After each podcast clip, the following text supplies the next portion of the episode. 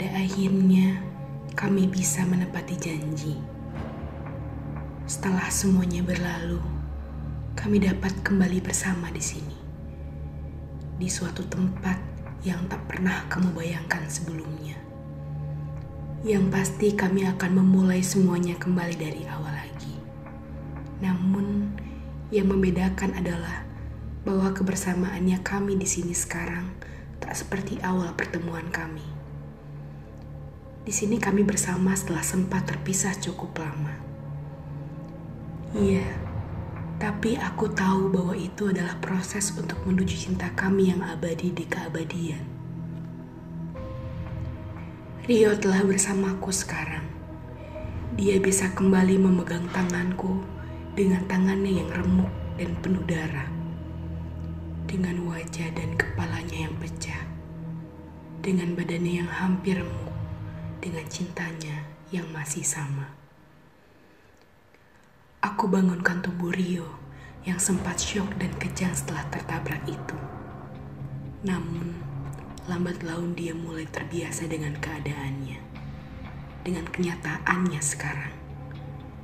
Ku senyumi dia yang memandangku penuh rasa iba dengan matanya yang hampir pecah. Kataku, kata kita akan berlaku kembali di sini, di alam lain ini. Setelah beberapa saat, kami mulai berpelukan.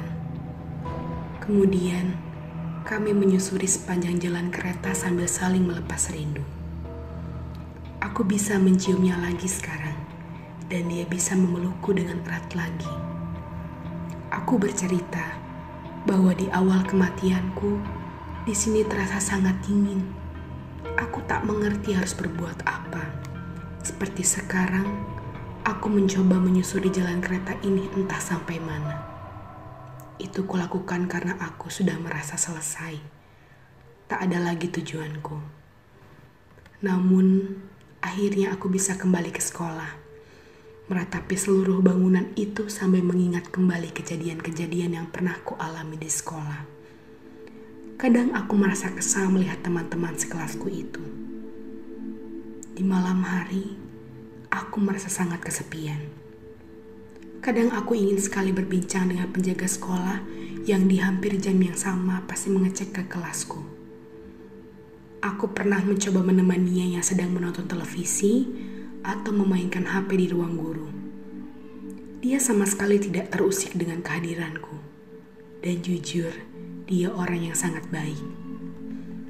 Sekali waktu, hantu kecil yang sering berada di kamar mandi laki-laki menjahilinya dengan memainkan pintu kamar mandi, tutup keran, atau menciprakan air ke wajah si penjaga sekolah.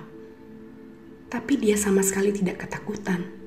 Dia malah mengatakan bahwa makhluk-makhluk seperti kami silakan saja bermain sepuasnya di malam hari. Tidak akan ada yang melarang. Tapi dia selalu memohon, bersahabatlah dengan siswa-siswa di sini dengan cara tidak menjahilinya.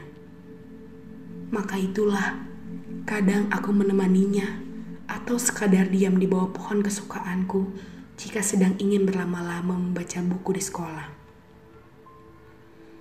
Kegiatan-kegiatan seperti itu hampir terjadi setiap saat hingga akhirnya Rio mulai sering ke kelasku.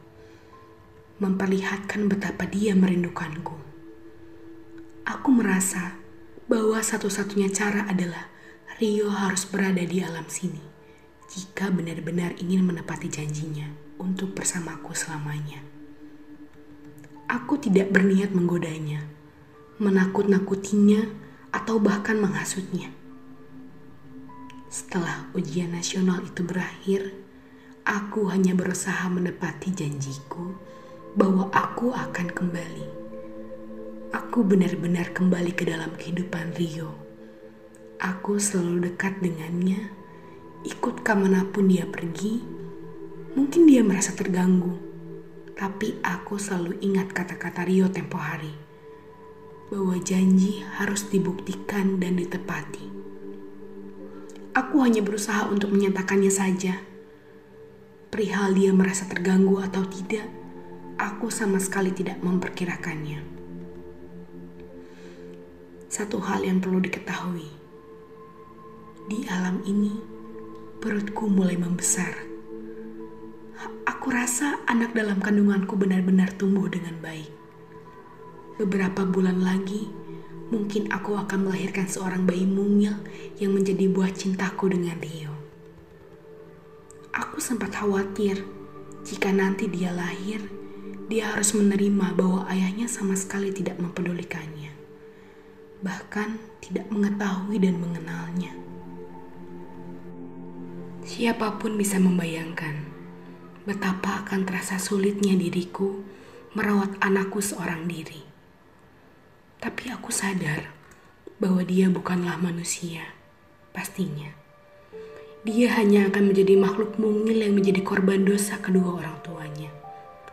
Dia akan dilahirkan sebagai makhluk halus tanpa tahu mengapa harus demikian.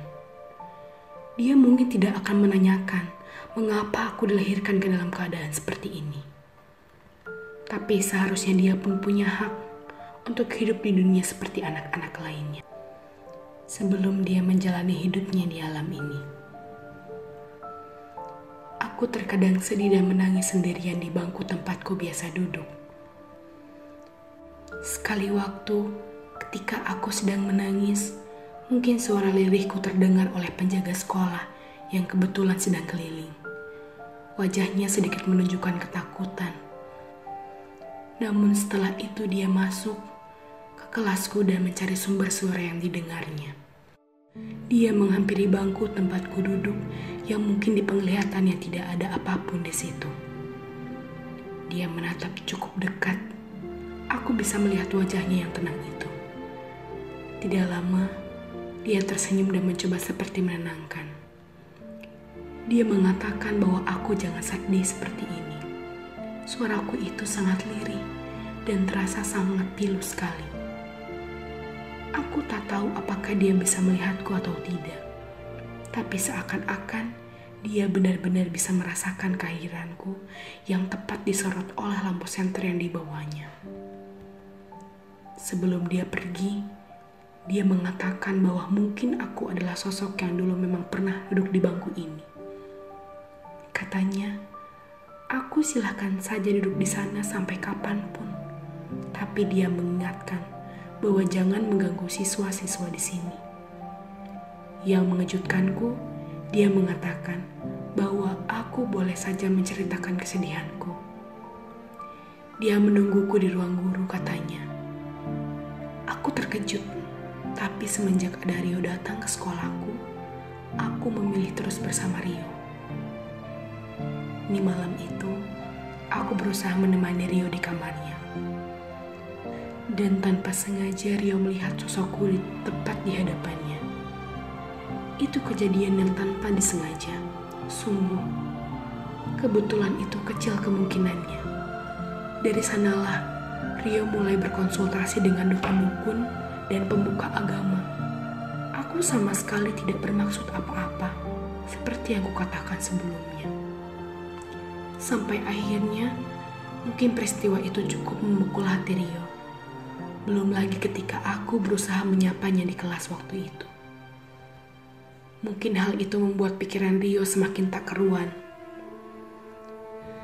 Dalam hal keputusan Rio untuk menemuiku di alam ini dengan cara mengakhiri hidupnya, aku sama sekali tidak membujuk dan menghasutnya. Sungguh, tapi aku yakin bahwa keputusannya itu berasal dari tanggung jawabnya dan rasa cinta dan rindunya padaku, pada anaknya juga. Kini bisa disimpulkan bahwa kami akan memulai hidup kami yang baru di alam lain. Kami akan bahagia di sini. Apalagi anak kami sebentar lagi akan melengkapi kehidupan kami yang baru ini. Tak ada satupun orang yang akan mengganggu kami di sini. Dan yang pasti, kini ada dua bangku kosong di sekolah kami. Bangkuku dan bangku Rio. Mungkin kursi itu tidak akan benar-benar kosong. Dan ruangan itu sebentar lagi akan dipenuhi gelak tawa dan tangis makhluk mungil hasil dari cinta kami.